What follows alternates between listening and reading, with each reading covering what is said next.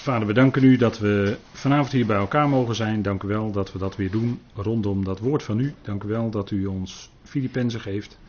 Een bijzondere brief, Vader, die bedoeld is voor deze tijd. Waarin Paulus ons aanwijzingen geeft over onze wandel en dienst. Vader, en hoe dat te doen te midden van alle verwarring die er is. En dat was ook in Paulus' dagen al het geval. We danken u dat u zo vanavond ons hier bij elkaar brengt met velen. En we bidden ook voor hen die er niet bij kunnen zijn. Dank u wel dat u nabij bent. En ook herstel wil geven. We danken u dat u ons in genade aanziet. Dat u uw plan uitwerkt in ons leven. Dat u het bepaalt, Vader. We danken u dat we een geweldige toekomst voor ogen hebben. En Vader, het komt stap voor stap dichterbij. We danken u daarvoor dat we zo mogen optrekken.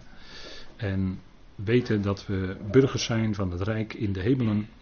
Waaruit we onze redder ook verwachten, de Heer Jezus Christus, die ons zal verlossen, Vader. Dank u wel daarvoor. Dank u wel dat we zo vanavond daarbij stil kunnen staan. Wil geven dat het mag zijn tot opbouw van ons geloof. En wilt u leiden door uw geest, dat het mag zijn tot verheerlijking van uw naam. We danken u daarvoor in de naam van uw geliefde zoon. Amen. Goed, ik wilde met u lezen het eerste stukje van Filippenzen 3. En dat doe ik dan tot en met vers 7. Vers 1 tot en met vers 7.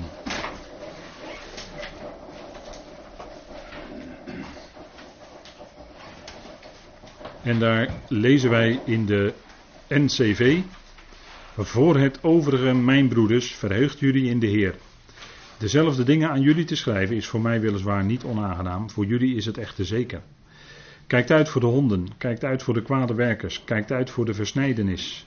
Want wij zijn de besnijdenis die God dienen in de geest van God en roemen in Christus Jezus en niet op vlees vertrouwen. En zelfs ik, heb ik ook vertrouwen op in het vlees? Indien iemand anders meent op vlees te vertrouwen, ik nog meer. Besnijdenis op de achtste dag uit het geslacht Israël van de stam Benjamin, Hebreeër uit de Hebreeën naar de wet Fariseer, in ijver de uitgeroepen gemeente vervolgend, naar de gerechtigheid in de wet onberispelijk wordend, maar al wat mij winst was, heb ik omwille van Christus verbeurd geacht. Tot zover. Ik denk hele duidelijke woorden voor ons inmiddels. En we willen daar vanavond bij stilstaan. En dan zijn we dus aanbeland bij Paulus, eh, die al eerder in deze brief naar voren kwam. In zijn eigen ervaringen, dus in die zin hebben we dat voorbeeld Paulus al heel even in hoofdstuk 1 voorbij zien komen. Met de tegenstanders die er waren, met de opmerking dat hij was gesteld tot verdediging van het evangelie. En dan hebben we het over het evangelie van de onbesnedenen natuurlijk. Het evangelie van de voorhuid. En niet het evangelie van de besnijdenis. Paulus als voorbeeld, als vierde voorbeeld in deze brief. En dan zien we ook dat Paulus roept tot navolging. Dat doet hij verderop in dit hoofdstuk.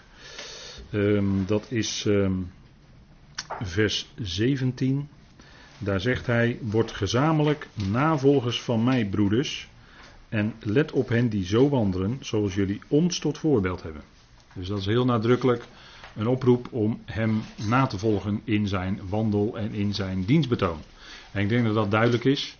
Gezamenlijk navolgen zijn van Paulus. En natuurlijk volgt hij Christus, de verheerlijkte Heer, na, dat weten we. En in die zin zitten wij ook in die lijn. Hè? Kijk, de navolging van Paulus, en dat is toch wel, um, denk ik goed om dat ons even te realiseren. De navolging van Paulus is niet hetzelfde als wandelen in de voetstappen van Jezus. Want dat wordt vaak aan gelovigen, met name in discipelschap, trainingen en dergelijke, die overal om ons heen, kunt u daar zo voor inschrijven, al dan niet gratis. Uh, maar discipelschapstrainingen, dan wordt u geleerd om te wandelen in de voetstappen van Jezus. En natuurlijk is dat iets wat, waarvan iedereen dan zegt, ja, maar dat staat ook in de Bijbel. Ja, dat klopt, dat staat ook in de Bijbel, zeker. Alleen waar vinden we dat terug? Ik heb het op deze dia even aangegeven. 1 Petrus 2, vers 21. Laten we het even met elkaar opzoeken. En dan zijn we ons bewust van het feit dat Petrus schrijft en dat hij zijn brief ook heeft geadresseerd. En in het dagelijks leven is het zo dat als jij een brief in de brievenbus krijgt die eigenlijk voor jouw buurman of buurvrouw bestemd is, dan ga je die brief niet zelf openen en lezen, want die is niet voor jou bestemd. En de inhoud zal heel snel blijken dat die ook niet voor jou bestemd is. Het heeft helemaal niks met jou te maken, want het is een brief die gericht is aan iemand anders. En zo is het ook eigenlijk dit hele eenvoudige principe geldt dus ook met de brief van Petrus. Want als wij even kijken in uh, eh, 1 Petrus 1 vers 1, dan staat daar Petrus, een apostel van Jezus Christus. En dat is al een verschil als we het bij Paulus lezen, want dan is het Christus Jezus, dus dat is al anders. Aan de vreemdelingen in de verstrooiing in Pontus, Galatië, Cappadocië, Azië en Bithynië. Uitverkoren overeenkomstig de voorkennis van God de Vader. Wie zijn dat? Nou, dat zijn diegenen van zijn volk die verstrooid zijn onder de natieën, te midden van de natieën. Dus Petrus richt zijn brief aan zijn medegelovigen uit Israël die verstrooid zijn onder de volkeren. Dus die brief moet ook bij hen terechtkomen. Die was niet bestemd voor gelovigen uit de natie. Dus dan ziet u al, hey, die adressering is dus niet gericht aan de gemeente die het lichaam van Christus is. En dan lezen wij in 2 vers 21. Want hiertoe bent u geroepen, en we weten nu wie die u is, dat is Israël, op, omdat ook Christus voor ons geleden heeft. Hij laat ons zo een voorbeeld na, opdat u in zijn voetsporen zou navolgen. En dat is voor de Jood wel mogelijk, want die is dan in het land. Hè. Voor Israël is dat wel mogelijk in het land, want daar heeft hij zijn voetstappen gezet. En de Heer, Christus, zet nu zijn voetstappen geestelijk te midden van de natieën. Hij wandelt nu te midden van de natieën, maar dat is geestelijk. Hij wandelt niet in allerlei landen in de wereld, nee. Hij wandelt nu, zegt Colossense 1, te midden van de natieën. En niet langer te midden van zijn volk, waar hij letterlijk zijn voeten op deze aardebodem zette. En in die zin is het alleen maar voor zijn volk ook mogelijk om letterlijk in zijn voetstappen na te volgen. En natuurlijk zit hier een voorbeeld in, want alles in de schrift is ons tot voorbeeld geschreven, maar is niet direct op ons van toepassing. Dat is het verschil. Hè? En natuurlijk was hij een enorm voorbeeld in de zin van, hij heeft geen zonde gedaan, zegt Petrus, in zijn mond werd geen bedrog gevonden, die toen hij uitgescholden werd niet terugschold en toen hij leed niet dreigde, maar het overgaf aan hem die rechtvaardig richt. Kijk, en die houding, daar hebben we natuurlijk veel van geleerd. Hij als voorbeeld in ootmoedige gezindheid, en dat blijkt hieruit, die gezindheid is wel ons tot voorbeeld. Zoals hij die gezindheid, die ootmoedige gezindheid toonde hierin. Dat is ons wel ten voorbeeld. En ook als wij onrechtvaardig behandeld worden, dan is het natuurlijk voor ons ook een voorbeeld dat hij het overgaf aan hem die rechtvaardig richt. En is dat ook niet iets wat we bij Paulus vinden? Want Paulus die schrijft in Romeinen 12, Romeinen 12,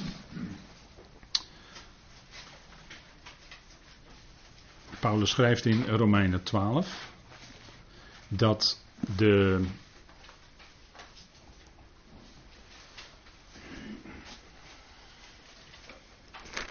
als er vervolging is of verdrukking op een of andere manier, dat wij dan um, ook datzelfde in feite kennen. Uh, vers 18, Romeinen 12, vers 18. Leef zo mogelijk, voor zover het van u afhangt, in vrede met alle mensen. Wreek jezelf niet, geliefden, maar laat ruimte voor de verontwaardiging. Want er staat geschreven: Mij komt de wraak toe, ik zal het vergelden, zegt de Heer. En dat is in feite hetzelfde principe als wat Peters meldt: dat de Heer zal uiteindelijk rechtvaardig richten. En uh, daarin zal hij uh, datgene doen. Hè, hij liet het over aan de Heere God, die uh, rechtvaardig zal richten in de toekomst.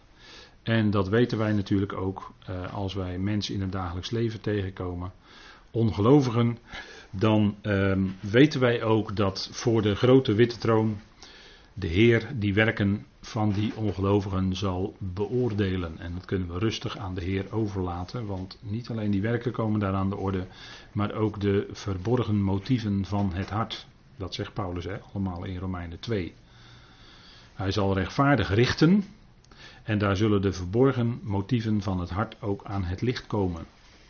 Waar? Voor de grote witte troon. En wie beoordeelt dat dan? Nou, de Heer, want God heeft al het richten aan de zoon gegeven. Dus de zoon richt. er zullen heel wat mensen opkijken die als atheïst of als agnost gestorven zijn. En die zullen dan opstaan bij de grote witte troon en dan worden ze geconfronteerd met de Heer Jezus Christus. En de eerste gedachte zal ongetwijfeld zijn, dus toch. Dus toch was het allemaal waar. Wat die christenen zeiden en de Bijbel enzovoort. Zo zullen er heel wat zijn. Dus het was toch allemaal waar. Ja, inderdaad, het was toch allemaal waar. Zo zal het zijn. Ik zal niet zeggen dat dat een aha-erlevenis is, maar het is wel een uh, confrontatie met de Heer. En dan zal ook niemand een weerwoord hebben, want alles zal daar juist en terecht en compleet in het gericht komen. Vergist u zich niet. Het gaat niet zomaar even makkelijk, God wordt alles in allen. Dat zeggen we ook nooit. Het gaat via de grote witte troon. Het gaat via gerichten. En dat uiteindelijk het laatste woord leven is. En dat uiteindelijk het laatste genade is. Zeker, zeker. Alleen het gaat niet zonder richten. En dat geldt zelfs voor het lichaam van Christus. Alleen is dat een hele andere setting. Hele andere setting. Bij de Bema. Daar zullen wij ook getoond worden voor de Heer. En daar zal Hij op een juiste wijze ons gereed maken, om het zo maar te zeggen. Voor onze bediening te midden van de hemelsen en, dat is, uh, en daar moet nog een nodige dan wat tussengelovigen nog zat moet verdwijnen. En de werken ook wat we door het lichaam verricht hebben. Hè, 2 Korinthe 5 vers 10. Wat wij door het lichaam verricht hebben zal de Heer ook daar beoordelen. En dan zal ieder loon ontvangen en lofprijs en enzovoort enzovoort. En sommigen ook schade lijden. Ja inderdaad klopt. Maar iedereen is dan bij die Bema en iedereen gaat dan uh, in de komende eonen te midden van de hemelingen. Geldt voor het hele lichaam van Christus natuurlijk. En elk lid. Dus je kunt niet onderweg je lidmaatschap van het lichaam van Christus kwijtraken. Uh, aan, de, aan de andere kant kun je ook geen erelid worden van het lichaam van Christus. Moet ik u ook teleurstellen.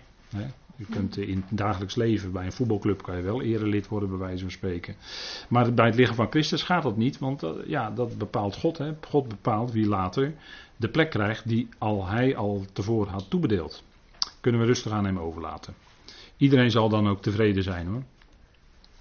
Nou, we hebben vier voorbeelden in deze brief. En het vierde voorbeeld is Paulus. En we hebben dan eigenlijk gezien Christus Jezus, Timotheus, Epaphroditus en Paulus.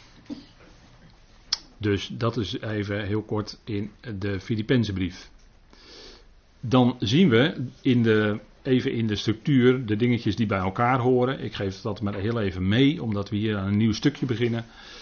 Uh, denk ik dat het goed is om heel even te laten zien dat 2 vers 12 tot en met 18, waar we uitvoerig met elkaar over nagedacht hebben.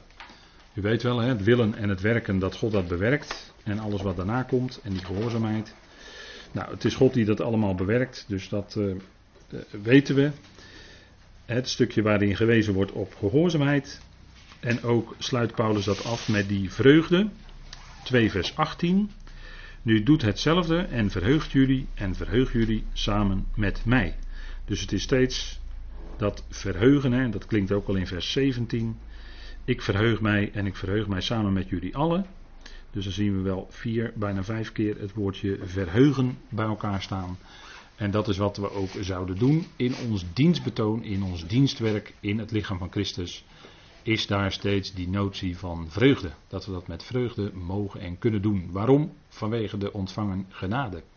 Het is een genadegave als we ook mogen meewerken in een stukje dienstwerk. En iedereen heeft zo zijn eigen stukje dienstwerk in het lichaam van Christus. Dat is een genadegave die God ons geeft. En genade is hetzelfde woord als vreugde in het Grieks. Dus als we die genade hebben ontvangen, is het toch altijd reden om ons te verheugen. Ook als er sprake is van tegenstand, ja zeker, ook als er sprake is van tegenstand. Ook als er sprake is van moeite, van lijden, van verdriet, kun je dan ook verheugen? Ja, dat kan. Waarom? Vanwege de ontvangen genade en vanwege die geweldige heerlijkheid die gaat komen. Dat is ook genade, dat is genade plus, zou ik bijna willen zeggen. Um, heerlijkheid, Ionische heerlijkheid, dat is zeg maar de heerlijkheid die wij ontvangen in de komende tijdperken. En dat hebben andere mensen niet. Dat is een genadegeschenk. Daarover kunnen we ons sowieso altijd verheugen. Beseffen dat het lijden en de verdrukkingen die wij meemaken, die moeilijk zijn, dat het helemaal geen makkelijke weg is. Maar de lijden en verdrukkingen die wij meemaken, daarvan zegt Paulus dat het bewerkt een alles overstijgende heerlijkheid. Dat werkt het uit. En dat mogen we voor ogen houden. En dan zeggen mensen wel eens, ja, krijgen jullie nou nooit er genoeg van? Altijd maar naar die Bijbel luisteren, altijd maar die Bijbel open en het duurt zo lang en het is soms zo moeilijk. En ja, weet u waarom dat is? Dat is dat we door de vertroosting en de volharding van de schriften de verwachting zouden vasthouden. En dat we steeds opnieuw het nodig hebben. U heeft dat nodig, ik heb dat nodig. Dat we ons steeds weer besef hebben van die geweldige heerlijkheid, van die grote God die we mogen kennen. En die in ons dagelijks leven nabij is. Die met ons meegaat. En die ons een geweldige vreugde en heerlijkheid in het vooruitzicht heeft gesteld. Net zoals de zoon zelf. En daarom kon hij, de zoon, kon die weg van lijden gaan, hè, dat zegt Hebreeën 12. Om de vreugde die hem voorgesteld was door de Vader. Daarom kon hij in geloof. Hè, hij vertrouwde volledig op de Vader, daarom kon hij in geloof die weg gaan, in vertrouwen. Hè, dat is het, hè. En daar kon, daarin kon hij zich toch van tevoren verheugen. Ook al waren er tranen. En er was soms sprake van luid geroep en smeking van de zoon. Staat allemaal in de schrift, hè, hebben we met elkaar wel gelezen. En toch verheugt jullie. En dan aan de andere kant, hè, als we dan even naar Filippenzen 3 weer teruggaan. Aan de andere kant zegt Paulus, kijkt uit. Hè, in vers 1 lezen we, verheugt jullie. En aan de andere kant is het ook een waarschuwingsbord, kijkt uit. En dat is niet voor niks, hè, want er staat drie keer wordt dat herhaald. Hè. Dus daar ligt zwaar de nadruk. Als Paulus dat drie keer zegt, kijk uit, dan is dat heel belangrijk. En het gaat om dienstwerk. Het gaat om uh, verkondiging, dat wat er gebeurt in het lichaam van Christus, dat wat er gebeurt in, ik wil het wel wat breder trekken, in de christenheid. Wat daarin gebeurt, daar heeft Paulus het over. En dan gaan we zien wie die kwade werkers zijn, wie die straathonden zijn, wie die uh, versnijdenis. Ja, nou dat is ook wat hoor, dat is wat. Verheugt jullie, zegt hij. En dat is ook al kende hij die tegenstand. Hè? Want hij deed dat zelf. Paulus is daar een geweldig voorbeeld. In hoofdstuk 1 hebben we dat gelezen met elkaar. Dat er tegenstanders waren. En die zelfs de Christus predikte uit nijd en twist. Vers 15, hè? 1 vers 15. Sommigen verkondigen de Christus weliswaar uit afgunst en twist. Moet je nagaan, hè? Sommigen echter ook uit welbehagen. En deze kondigen de Christus inderdaad uit liefde aan, vers 16, weten dat ik tot verdediging van het evangelie gesteld ben. De andere echter uit partijschap, niet zuiver. Dat zijn misschien wel zelfs wel valse broeders. Veronderstellend verdrukking op te wekken in mijn boeien. Want wat doet het ertoe? Behalve op iedere manier Christus wordt verkondigd. Het zij uit voorwensel, dus met onduidelijke of onzuivere motieven het zij in waarheid. En daarin verheug ik me en zal ik me ook verheugen. Dus ondanks die tegenstand die hij zag, er waren andere predikers die bewust op een bepaalde manier predikten om Paulus een hak te kunnen zetten, hè, om het maar even zo te zeggen. Nochtans verheugde Paulus zich, ondanks die tegenstand, want Christus wordt verkondigd en daar gaat het om. Hè, Christus in het middelpunt en niet de mens, niet de mens centraal, want dat is de dictatuur van de humaniteit. Zoals we die vandaag de dag uh, om ons heen horen en merken aan alle kanten. Nee, niet de mens centraal, Christus centraal. Paulus zegt het ook in 2 Korinthe 4. Wij prediken niet onszelf, wij prediken Christus Jezus als Heer. Het ging hem niet om hemzelf natuurlijk. Natuurlijk niet. Het ging om de Heer. Kijk uit, zegt hij daarom. En dan zegt hij, voor het overige, mijn broeders, Verheugt jullie in de Heer. En met dat overigens, daar is nog niet dat hij de brief al gaat afsluiten, want dat lezen wij ook in 4 vers 8. In 4 vers 8 lezen we ook voor het overige broeders. En dan gaat hij eigenlijk langzaam maar zeker de brief afsluiten. Maar hier gaat hij nog een heel betoog. Hè, dus een heel, als het ware nog een hele uitgebreide,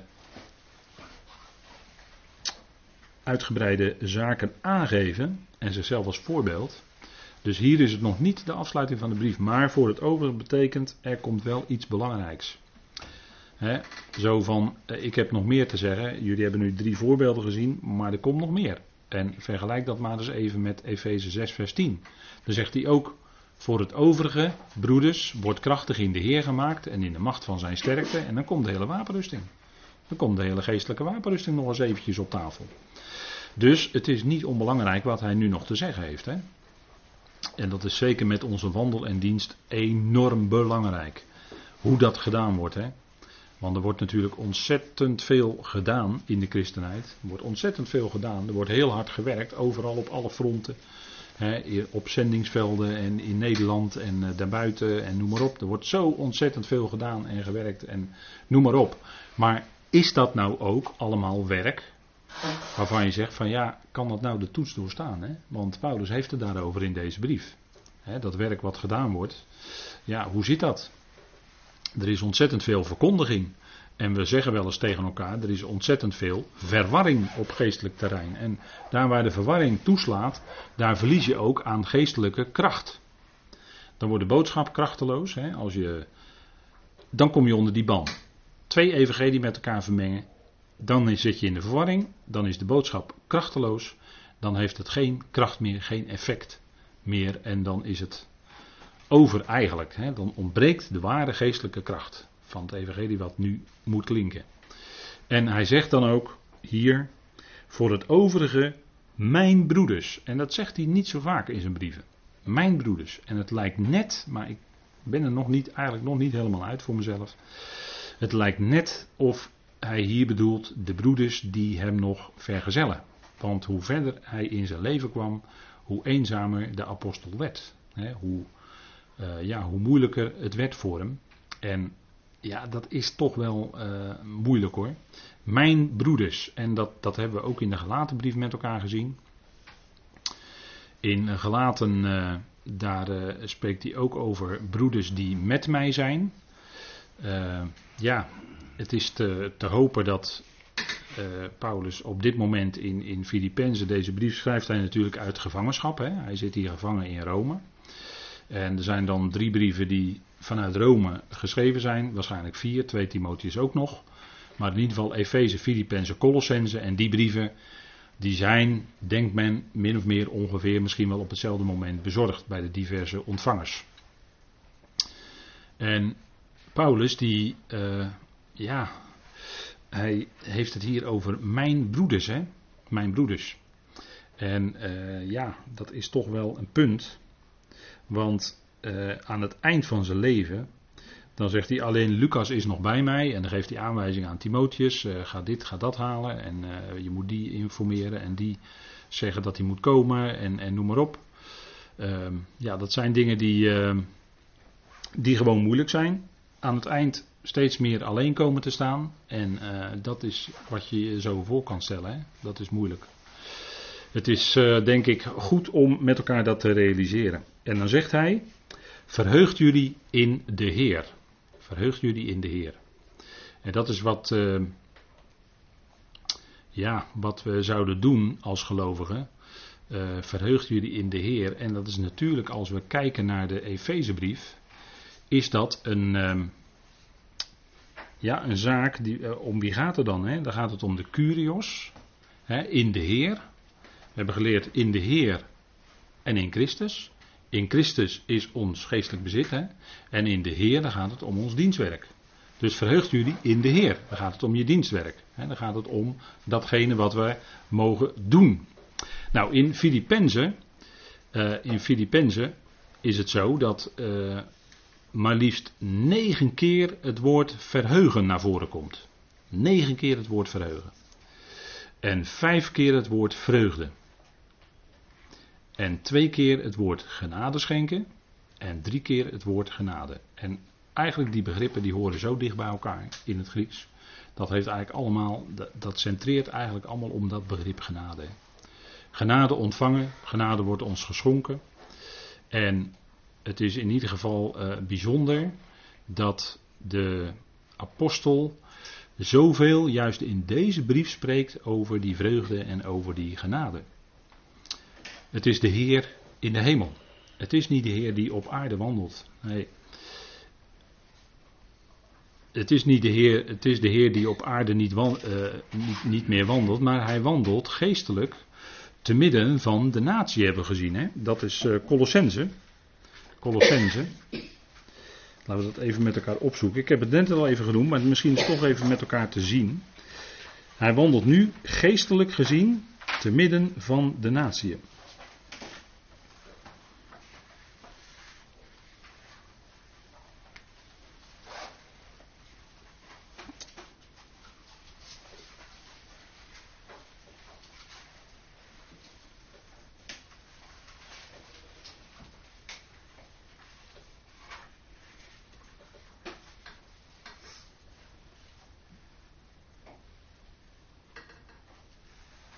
Hij wandelt nu geestelijk te midden van de natie. Dat is Colossense 1. En dan lees ik met u even vanaf vers 25. Van haar werd ik dienaar in overeenstemming met het beheer van God dat mij gegeven is voor jullie, om het woord van God compleet te maken. Het geheimenis dat weggehouden was van de eonen en van de generaties, maar dat nu openbaar gemaakt werd aan zijn heiligen, aan wie God bekend wil maken wat de rijkdom van de heerlijkheid van dit geheimenis is onder de natieën, dat is Christus onder jullie, de verwachting van de heerlijkheid. En hier in feite geeft Paulus het geestelijke geheim voor vandaag de dag aan. Christus wandelt geestelijk gezien te midden van de natie. Uit alle natieën, uit alle volkeren, inclusief Israël, worden gelovigen geroepen tot het lichaam van Christus. En omdat dat een puur geestelijke zaak is, dus het heeft dus niets met onze afstamming naar het vlees te maken. Dat speelt geen enkele rol meer in deze tijd. Dat is heel belangrijk dat we dat goed zien. Want daar gaat het ook over in dit stukje in Filippenzen 3. Dat hij geestelijk wandelt te midden van de natieën. En zo de gemeente roept, de gemeente redt, de gemeente reinigt en de gemeente heiligt. Dat is zijn werk in deze tijd. En dat is wat maar weinigen beseffen hoor. Want er wordt vaak ik zei net, er wordt in de christenheid wordt heel veel gewerkt, heel veel gedaan, maar vaak toch vanuit een opdracht die niet voor de gemeente is bedoeld, maar een opdracht die voor Israël is bedoeld, heel vaak. Wat denkt u van, uh, ik maak, jullie, jullie moeten alle volkeren tot mijn discipelen maken en hen dopen. Dat is nu niet de opdracht voor de gemeente. Dat is de opdracht die werd gegeven aan de discipelen, aan Israël. En die opdracht zullen zij vervullen in de komende aion van de duizend jaar. Dan zullen volkeren tot discipelen gemaakt worden en dan zullen zij ook gedoopt moeten worden. En dat is wat hun werk is in de komende tijd. En niet het werk van de gemeente die het lichaam van Christus is in deze tijd. En daar wordt heel veel werk op gebaseerd. Daar gaan heel veel mensen met hele oprechte bedoelingen gaan zij de zending in. Ik ken ze. Die op die basis in de zending zitten en hun hele leven ervoor geven. En ik, ik, heb altijd heel veel bewondering en respect voor. Die gaan naar een ver land, geven hier alles op, moeten daar de taal leren, de gebruiken leren, enzovoort, enzovoort. verlaten hier de familie, enzovoort. En, en noem maar op. En gaan daar dan mensen tot geloof bewegen. Nou, dat is prachtig. Maar als het op gebaseerd is op de zendingsopdracht van Matthäus 28, die ik net aanhaalde, is dat geen goede basis. Is dat de verkeerde basis. En dan merk je ook dat ze de mensen tot discipelen maken. En dat is ook niet eens de opdracht. ze proberen dan volkeren tot discipelen te maken. En ja, zo zijn er nog wel meer dingen. Zullen we nog wel opkomen? Kijk, Paulus zegt hetzelfde.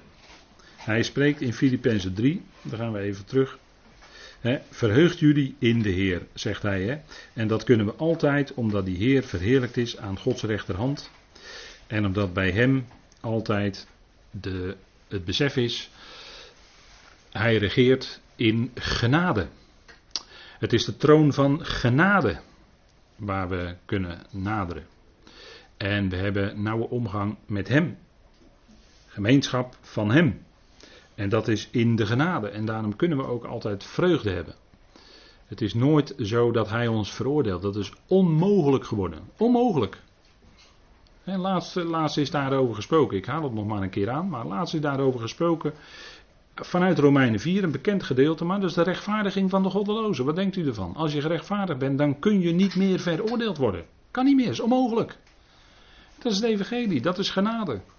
Want stel je voor dat je onderweg als gelovige uh, nog iets doet waardoor je dan je lidmaatschap zou kunnen verspelen. Dat is onmogelijk, dat zei ik net al. Dat kan niet, want het is in genade aan je geschonken. De Heer gaat geen ledematen van zijn eigen lichaam afstoten. Dat doet hij niet. Het is zijn hele lichaam waar het om gaat en dat zal hij bewaren en redden. Bij de bazuin hoor. Denk erom dat dan het hele lichaam, ieder lid daarbij is. Absoluut. Nou, hetzelfde, zegt Paulus, dezelfde dingen aan jullie te schrijven, 3 vers 1, is voor mij weliswaar niet onaangenaam, voor jullie is het echter zeker. Of veilig mag je ook vertalen. Hetzelfde is wat hij al eerder in de brief schreef, en dat heb ik met u aangehaald uit hoofdstuk 1. Dezelfde dingen, dus hij schrijft opnieuw over die vreugde, hij schrijft opnieuw over dat dienen. En dan zegt hij, ja dat is voor mij niet onaangenaam, voor jullie is het echter veilig. Het gaat om opnieuw, hè, hij komt daar opnieuw mee, om die ootmoedigheid, om jezelf te geven in zijn dienstwerk. En die ootmoedigheid is ook de vrucht van de genade. Die ootmoedigheid is niet iets wat je zelf kan aanleren als kunstje van nu moet ik heel erg ootmoedig zijn. Want als je het zo bezig gaat, dan kom je binnen een jaar in de grootst mogelijke krampen. En dat gaat uh, helemaal mis. Gaat helemaal mis. Kijk, Vaak wordt tegen mensen gezegd, christelijke mensen wordt gezegd, je moet nederig zijn. Nou, dan proberen ze nederig te zijn, maar dat, dat, ja, dat, dat gaat niet lukken op de duur. Dat gaat niet lukken op de duur. Het moet van binnenuit, wordt het gewerkt door de geest. Hè? De genade heeft als vrucht in ons dat we ons ootmoedig willen opstellen. Waarom? Omdat we weten dat God alle touwtjes in handen heeft. En wat zitten wij dan hem voor de voeten te lopen? wat lopen wij hem dan voor de voeten soms? maar hij heeft alles in handen. Hij leidt en bestuurt het. Ehm, ja, dat zegt het lied. Laat hem besturen waken. Het is wijsheid wat hij doet. Het is zijn wijsheid. Hij doet het. Hij werkt het uit. Het is zijn wijsheid. En natuurlijk, je bent bezig met dienstwerk. Je handjes gaan, je voetjes gaan. En je, misschien je hoofd, eh, alles erbij. En je doet je dienstwerk. Maar je beseft steeds meer, ja, het is in afhankelijkheid van Hem. Je bent dat instrument wat Hij wil gebruiken in Zijn hand. Dat is pure genade. Dat heb je niet, niet van jezelf. Als Hij je niet had geroepen, had je hier niet gezeten. U niet, ik niet. Was met totaal andere dingen bezig geweest, maar niet met Gods woord. Maar hij heeft je geroepen en hij heeft je oor te luisteren gelegd. Net zoals Saulus fantastisch, het, het voorbeeld waar we nu avonden over gaan praten met elkaar. He, Saulus, ja, het was nog wel eentje hoor. Hey, zo, dat was een vuurvretertje. Dat was een vuurvreter, die was hoog opgeklommen. Moet je kijken waar hij mee bezig was. Hij had brieven bij zich om de gelovigen uit de huizen te kunnen halen uh, en eventueel ter dood stenigen. Met instemming stond hij erbij hè, toen Stefanus gestenigd werd. Weet u het, handelingen 7 aan het eind, handelingen 8 begin. Saulus stond erbij, die past op de mantels toen ze bezig waren Stefanus te stenigen. Het had zijn volle instemming, zo was Saulus, hè. zo iemand was dat. Hè, dat is die hardheid van de stenen waarin de wet gegrift was dat was er ingekerfd. En zo wordt de wet bij veel mensen helaas van jongs af aan in hun zielen gekerfd. He, er zou heel wat anders ingebracht moeten worden in de harten. Dat is genade van jongs af aan. Zo, zo, zo jongens ze maar iets kunnen begrijpen van de genade. Genade aanbrengen. En ook genade toepassen in de opvoeding. je kan heel makkelijk natuurlijk de wet hanteren. Maar dat gaat op een gegeven moment natuurlijk niet goed. Maar het is heel, heel, eh, ja, dat is, ja. Ik heb wel onlangs nog gezegd van ja, kinderen opvoeden, ik kan u het recept er niet voor geven, want ieder kind is anders. Maar de genade is altijd hetzelfde. En als je steeds meer bewust bent van de genade, dan kun je ook leren om je kind in die genade op te voeden. En een kind is anders als het voortdurend met wet en straf geconfronteerd wordt, dan dat het geconfronteerd wordt met, oké, duidelijke grenzen, maar wel in de genade. Dat is toch een ander principe. Dan werkt het toch anders uit. Voor mij om hetzelfde te schrijven is niet vervelend en voor jullie is het zeker, zegt Paulus. Hè? Nou kijk, dienstwerk doen in de vrucht van de genade, als vrucht van de genade. Dienstwerk doen in het besef dat het ook genade is. Staat, heb ik hier op deze dia gezet. Dat is de weg tot werkelijke vreugde, blijvende vreugde. Want als je dienstwerk niet doet en je beseft niet dat het genade is, dat jij instrument in zijn hand kan zijn, dat hij dat jou geeft en dat het genade is. Als je het anders doet en op de duur dan, dan word je zaggerijnig onder je dienstwerk, dan doe je het helemaal niet meer met vreugde, dan doe je het omdat je het moet. En dan laat je misschien niet aan de buitenkant aan je postzegel zien, maar van binnen heb je wel een lang gezicht. Zo doe je dan je dienstwerk. Hè? Maar kijk, dit is de weg tot werkelijke vreugde. En daarom schrijft Paulus ook, nadat hij al zoveel jaar gediend heeft, zit hier in gevangenschap. En heeft hij het voortdurend over vreugde. En hij was in gevangenschap, was hij ook bezig met zijn dienstwerk, was hij ook brief aan het schrijven. Hij zat niet stil. Hij gebruikte die periode ook. En de Heer gebruikte hem in die periode, moet ik dan zeggen. hij zat niet stil, maar het was wel bij hem vreugde om ermee bezig te zijn, om zich daarvoor in te zetten. Ondanks al het lijden, ondanks al het verdriet wat hij had meegemaakt. Nou, dan geeft hij naast die vreugde, hij zegt, wij mogen als gelovigen met vreugde ons dienstwerk doen. Dat is omdat het genade is. En als we daarin een fout maken, de Heer zal ons niet veroordelen, maar we leren ervan. En dat is ook de bedoeling. Maar geen veroordeling, hè. En dan zegt hij, en ik heb het hier even in structuur gezet, en dat is wel mooi, denk ik. Uh, dit heb ik overgenomen van broeder Nog hoor, want dit bedenk ik natuurlijk allemaal niet zelf, hè, dat moet u echt niet denken. Uh, broeder Nog die heeft dit heel mooi in structuur aangegeven, dat heb ik dan in het Nederlands overgenomen op deze dia. En dan zie je wat bij elkaar hoort, of wat tegenover elkaar, uh, of wat bij elkaar hoort. En daarmee zie je dat de schrift zichzelf als het ware uitlegt. Hij zegt, kijk uit voor de honden, kijk uit voor de kwade werkers, kijk uit voor de versnijdenis. En wat is dan wat daar tegenover staat. Kijk uit voor de honden. Wij, zegt Paulus, vertrouwen niet op vlees. En wat doen die honden dus? Dat zijn die werkers die wel op vlees vertrouwen. Zie ziet u hoe de schrift zichzelf uitlegt? Kijk uit voor de kwade werkers. Dat zijn degenen die roemen in zichzelf. En dat zijn degenen die niet roemen in Christus Jezus. Zo kun je ze herkennen. Die zichzelf wel geweldig vinden als ze op het podium staan, bijvoorbeeld. die roemen niet in Christus Jezus, maar die roemen in zichzelf. kijk uit voor de versnijdenis, want wij zijn de besnijdenis die God dienen in de geest van God. Wat zegt Paulus daar nou? Wij zijn de besnijdenis. Huh? Maar wij zijn toch niet Israël? Nou, daar gaan we natuurlijk nog naar kijken. Dat is wel een bijzondere zin, hè? Wij zijn de besnijdenis. Wat bedoelt hij dan? Kijk, dit, dat moeten we heel goed beseffen. Hè? Wat Paulus hier zegt, is voor deze tijd. Dit kon hij nooit zo zeggen in de tijd die al voorbij was.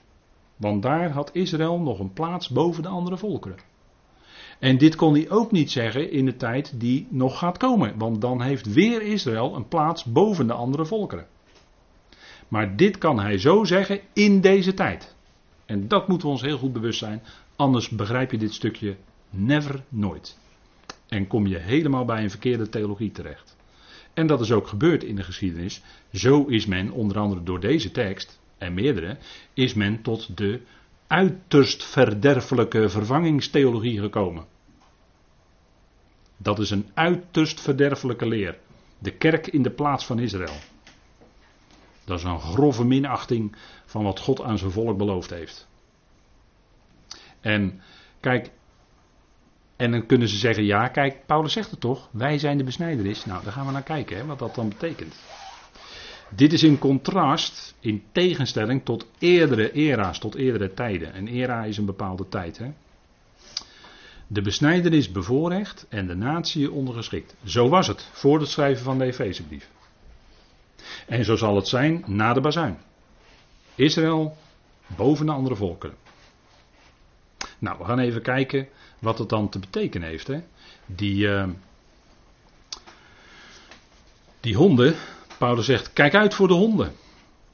En wat bedoelde hij dan? Dan bedoelde hij eigenlijk straathonden. Hij gebruikte het woord kuon in het Grieks en dat betekent straathond eigenlijk. En in het Hebreeuws is dat het woord Caleb, dat weet u wel hè, Caleb weet u nog, Jozua en Caleb, die uh, twee verspieders. Nou, het woord Caleb is eigenlijk, heeft eigenlijk als betekenis hond. En nu is het aardige, Jozua en Caleb, dat Jozua die kwam uit de stam Ephraim. En de stam Ephraim die staat later voor de tien stammen van Israël. En Caleb die kwam uit de stam Juda en die staat later voor de twee stammen van Israël. En dat waren de twee verspieders die zeiden nee we vertrouwen op de Heer. Die andere tien die zeiden we moeten niet gaan. Er zijn allemaal van die reuzen, van die enakieten in het land. En die gaan ons allemaal verslaan en doden. En uh, we moeten niet gaan. En die keken naar, uh, nou ja, reuzen. Hè. Normaal kijken wij naar leeuwen en beren. Maar zij keken naar reuzen op de weg.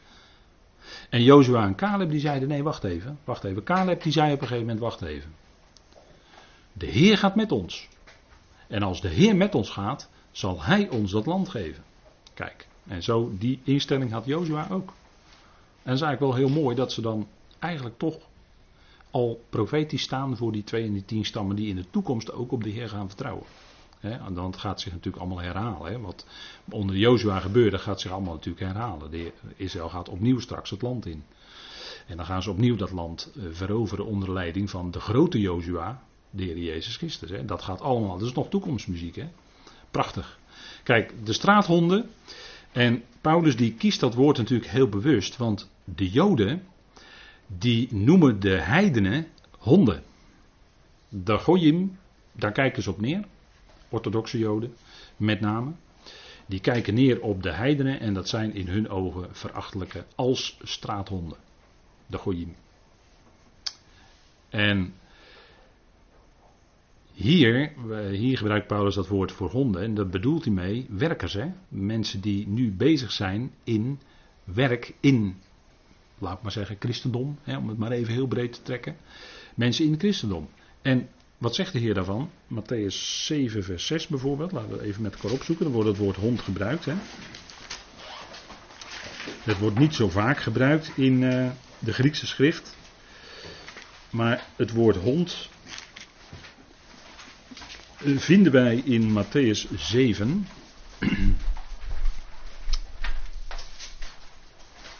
En dat is natuurlijk een bekende tekst.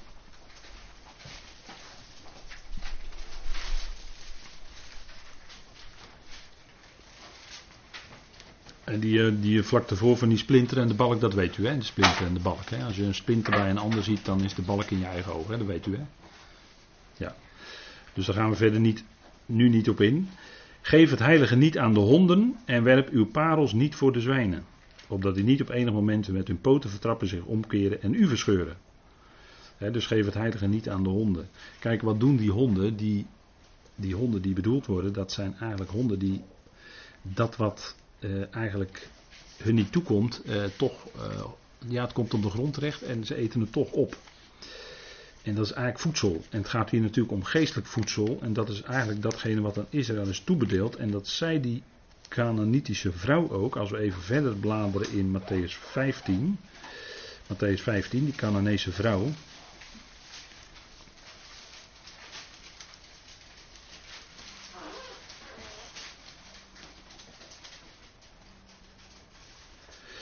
En zij roept dan de Heer om hulp, maar ja, het is een heidense vrouw. Dus de Heer antwoordt dan in Matthäus 15, vers 24. En hij zegt: ik ben alleen maar gezonden naar de verloren schapen van het huis van Israël.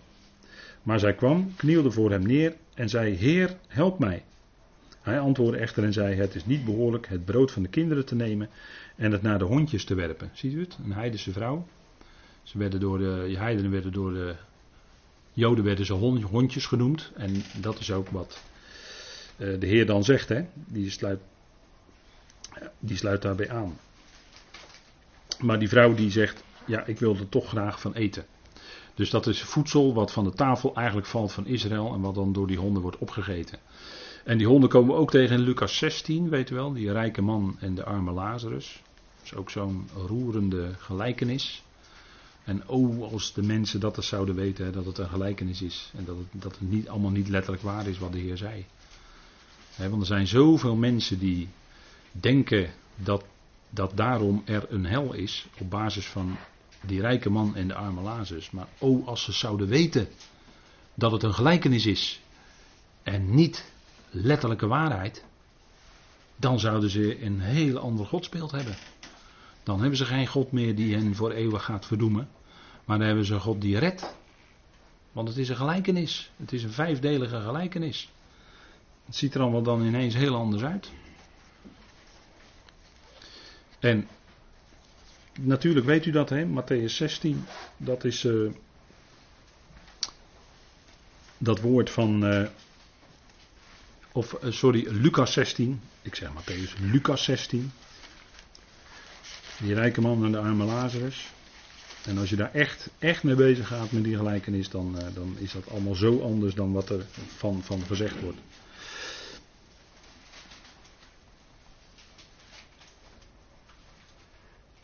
En dan komen die honden tegen vers 21, daar gaat het even om. En hij verlangde ernaar verzadigd te worden met de kruimeltjes die van de tafel van de rijke man vielen. Maar ook de honden kwamen en likten zijn zweren. Ziet u het? Heb je weer de rijke tafel. Hè? De, de, tafel van de rijke man. Dat is eigenlijk een beeld van Israël. Hè? Die man in purper en linnen. Die rijke man, dat is eigenlijk een beeld van Israël. En nog even wat preciezer van de fariseeën en schriftgeleerden waar de Heer tegen sprak. En dan komen de honden en likten zijn zweren. En dan, dat is dan weer een beeld van mensen uit de volkeren. Hè? En dat zien we dan ook in de vervolgende teksten. 2 Petrus 2, vers 22 en Openbaring 22, vers 15. Hè, daar worden ze ook genoemd. Nou, moet u voor uzelf maar eens opzoeken. En wat doen die honden? Die eten van het afval. Paulus heeft het in Filippenzen 3, vers 8 over afval. We hebben net niet gelezen aan het begin van de avond.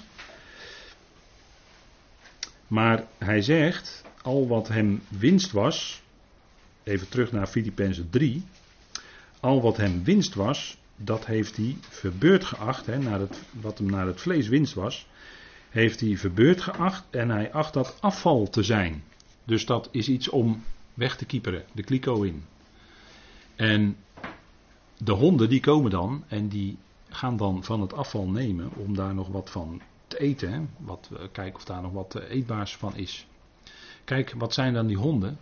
Dat zijn diegenen die als buitenstaanders van het christendom, die als buitenstaanders het afval van de besnijdenis opeten. Met andere woorden, wat gaan ze doen?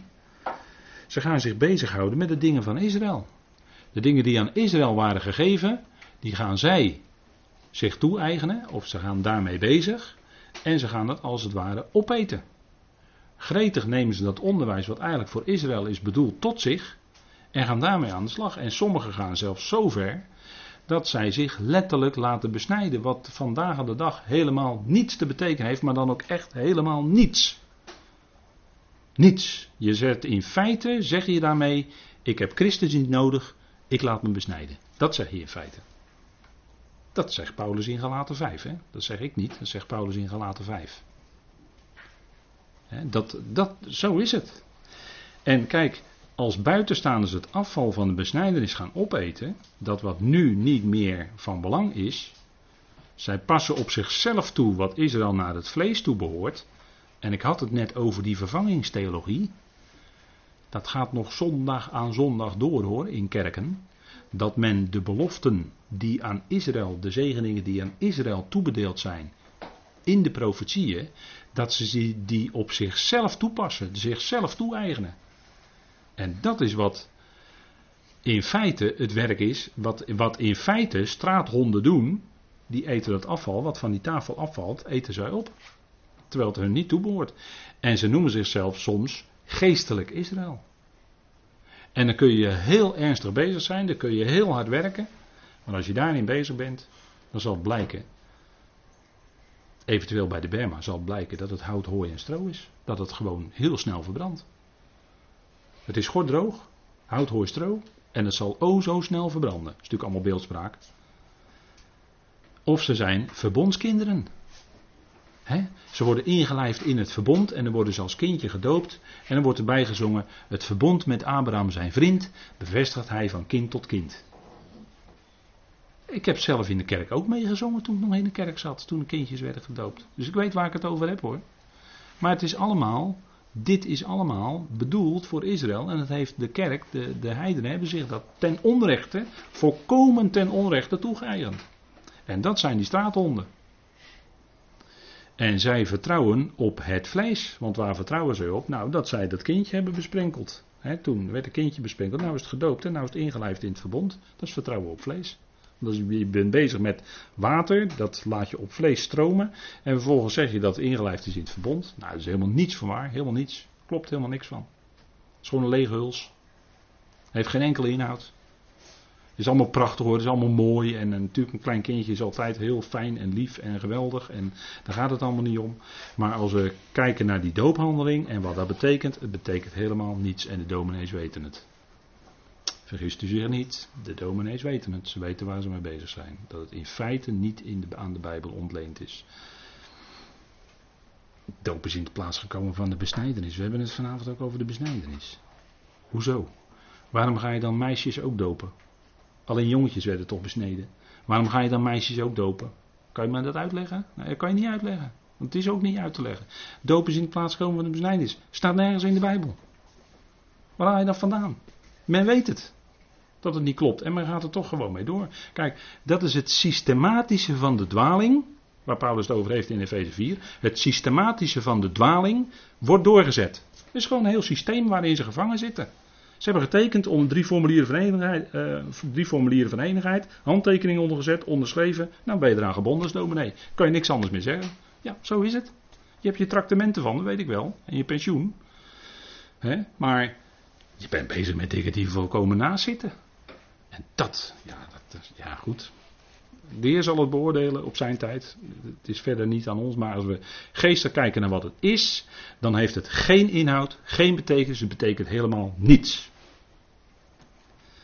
want zo radicaal is Paulus. Kijk, hij heeft het over kwade werkers. Kwade werkers.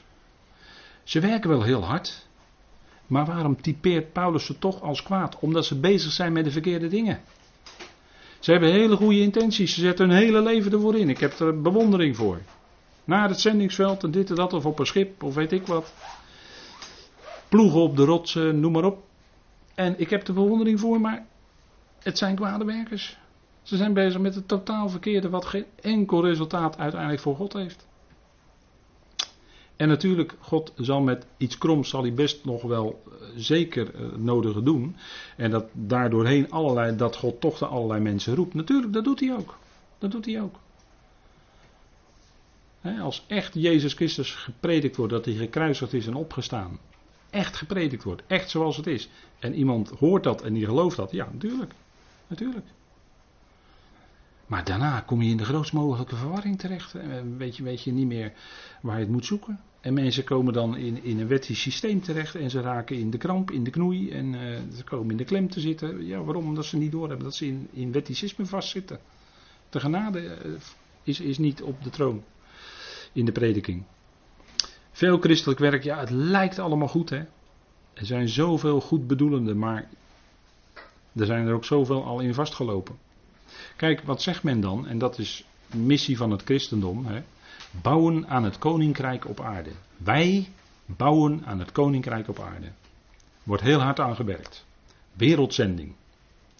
Alle volken tot discipelen maken. Het evangelie, dit evangelie van het koninkrijk aan alle, alle volken verkondigen. En dan zal het einde komen. Wie zei dat laatst? Dominee Orlando Bottenblij. Die zei dat laatst. Hij zegt uh, in 2030 ongeveer, dan hebben wij alle volken, zegt, zei hij, hè, hebben wij alle volken bereikt met het evangelie en dan kan de Heer komen. Dat zei hij. Heeft in de christelijke pers gestaan. Dus ik, ik, smeer niemand iets aan. Dit heeft hij zelf gezegd. Dit, en dat was in het kader van dit evangelie van het koninkrijk aan alle volken verkondigd worden. En dan zal het einde komen. Dus met andere woorden, wij moeten heel hard werken om al die volken te bereiken. En als wij dat nou maar gedaan hebben, dan kan de Messias komen. Dan draai je de zaak dus om. Dan wordt de Heer afhankelijk van onze inspanningen, wanneer Hij dan op aarde kan komen. Ja, zo werkt het niet. Dat, als je het zo voorstelt, ja, sorry hoor. Maar dat is, dat is de zaak helemaal omdraaien.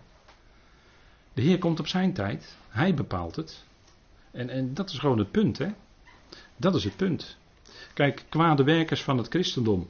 Dan, dan heeft men, gaat men een visie ontwikkelen. Hè, zo gaat het in zendingsorganisatie. Gaat men een visie ontwikkelen. En op basis daarvan uh, gaat men missies uitzetten. En dan gaan we gewoon doelen stellen zoals men in de wereld ook stelt. Van wij willen over, hè, of bijvoorbeeld in kerken zegt men van, nou wij willen over vijf jaar willen wij 5% meer kerkleden hebben. Zulke plannen kunt u gewoon vinden op internet. Daar vind ik het ook, als ik er naar zoek. Dat, wordt, dat zijn gewoon plannen die gemaakt worden. we willen over 5, 6, 7 jaar willen we 5% meer leden hebben in onze kerk. Of meer bezoekers. En daar gaat men dan heel hard daaraan werken om dat te bereiken. Maar dat is de wereld. Zo, zo, zo rekenen bedrijven. Die willen over een jaar of over twee jaar willen ze 5% meer omzet hebben of 10% meer omzet. Dat, dat zijn helemaal wereldse doelen. Bepalen wij hoeveel mensen er in onze diensten komen of in onze samenkomst komen. Gaan wij, gaan wij dat ons als doel stellen? Nee, natuurlijk niet. En natuurlijk gaan die predikingen uit en natuurlijk verspreiden we het woord. En dat is erop gericht dat mensen daardoor aangesproken worden, dat mensen daardoor geroepen worden. Maar we kunnen ons geen doelen stellen van. Dat is allemaal vlees. We hebben het hier over al wat in het vlees roemt. En dat is de definitie van kwaad in dit verband. Dat is al dat werk wat niet alleen in Christus Jezus roemt. Maar wat op eigen vlees roemt van wij gaan dat allemaal stellen en wij gaan dat allemaal doen. Al wat in het vlees roemt, al wat aardsgezind is, dat is allemaal kwaad. En dat is wat de tekst hier aangeeft. Hè? Paulus heeft het hier over kwade werkers. En natuurlijk kan hij daarmee ook bedoelen, ben ik ook in commentaren tegengekomen, kan hij ook bedoelen uh, judaïseerders, hè? degene die wet met genade willen vermengen. Die in gelaten kwamen, de valse broeders, hè, waar we de vorige keer over hadden. De binnengesmokkelde valse broeders. Die wet met genade vermengen, waardoor je het kwijtraakt. Dan raak je de kracht, de vreugde, de blijdschap, uh, je raakt het kwijt. En, en dat, dat is wat, wat gewoon aan de hand is. Kijk, wat, wat zo helaas, helaas onbekend is. Kijk, in voorbije tijden, vanaf de Sinaï, en die ligt in Arabië, hè, de berg Sinaï. Die ligt niet in de Negev, maar de berg Sinaï van de schrift ligt in Arabië. Daar werd de wet gegeven. Tot aan de Efezebrief was Israël gesteld als volk boven de andere volkeren. En dat was, hun, dat was op basis van hun afkomst naar het vlees en de keuze die God gemaakt had. Dus besnijdenis als licht voor de natie, boven de volkeren gesteld. Nu, in deze tijd van genade, geldt vanaf de Efezebrief dat er in Christus geen onderscheid meer is, geen verschil, want het gaat louter om geestelijke zegeningen. Het gaat niet langer om vleeselijke zegen. Het gaat niet om of je afstamt van het volk Israël uh, van, van de Joden of van de tien stammen of wat je dan ook maar zeggen wil, hè, waar mensen mee bezig zijn om een afstamming terug te vinden, of ze dan misschien wel van de tien stammen afstammen. Is helemaal niet van belang. Dat zijn die eindeloze geslachtsregisters waar je nou niet mee bezig moet zijn, zegt Paulus. Wel de geslachtsregisters die in de schrift staan, dat is wat anders. Maar het gaat om geestelijke zegen en daarin speelt het vlees geen rol. Vlees speelt gewoon helemaal geen rol. En dat is de grote moeite van veel christenen. Omdat ze de betekenis van het kruis niet kennen. Kijk, en straks, als deze tijd voorbij is, als de bazuin geklonken heeft en wij weg zijn, straks zal Israël weer als licht voor de natie zijn, een koninklijk priesterschap en boven de volkeren gesteld zijn. Straks, in de komende eonen. Dat is aan hen beloofd. Zij zijn een koninklijk priesterschap. En zullen boven de volkeren weer staan. Kijk, Gods volk, God heeft zijn volk niet verstoten.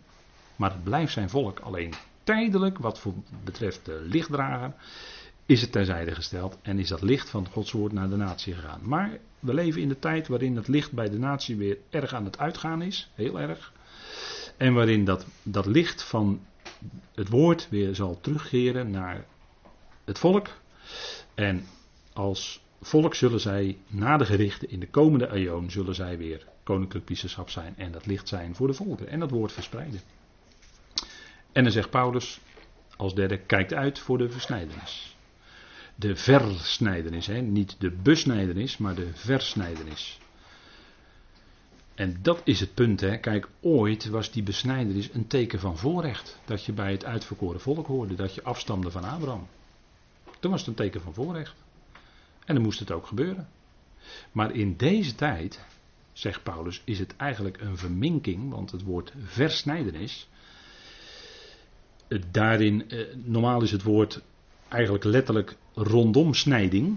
Het woord besnijden in het Grieks is eigenlijk letterlijk rondomsnijding. Maar het woord versnijdenis hier is neerwaarts snijden. Dat wil dus zeggen, je doet iets wat een, wat een neerwaarts gevolg heeft, geestelijk gezien. Want je doet iets aan het vlees wat in deze tijd gewoon niet aan de orde kan zijn. Het heeft, omdat in deze tijd niets is gebaseerd op het vlees. Geen enkel voorrecht dat een mens heeft is nog gebaseerd op het vlees in deze tijd. Niet de familie niet waar je uitkomt, niet het volk waar je uitkomt, niet de stad waar je uitkomt. Eh, wat je ook maar kan bedenken, het speelt allemaal geen enkele rol. Het is alleen geestelijke zegen. En zo stelt Paulus dat dan op één lijn. Hè? Kijk uit voor de versnijders. Dus hij gebruikt hier een woord waarin, die, waarin Paulus ongelooflijk scherp is. En dan denk ik dat het goed is om even te pauzeren met elkaar. En dan gaan we na de pauze met elkaar verder over die wonderlijke uitspraak. Wij zijn de besnijdenis. Wat betekent dat?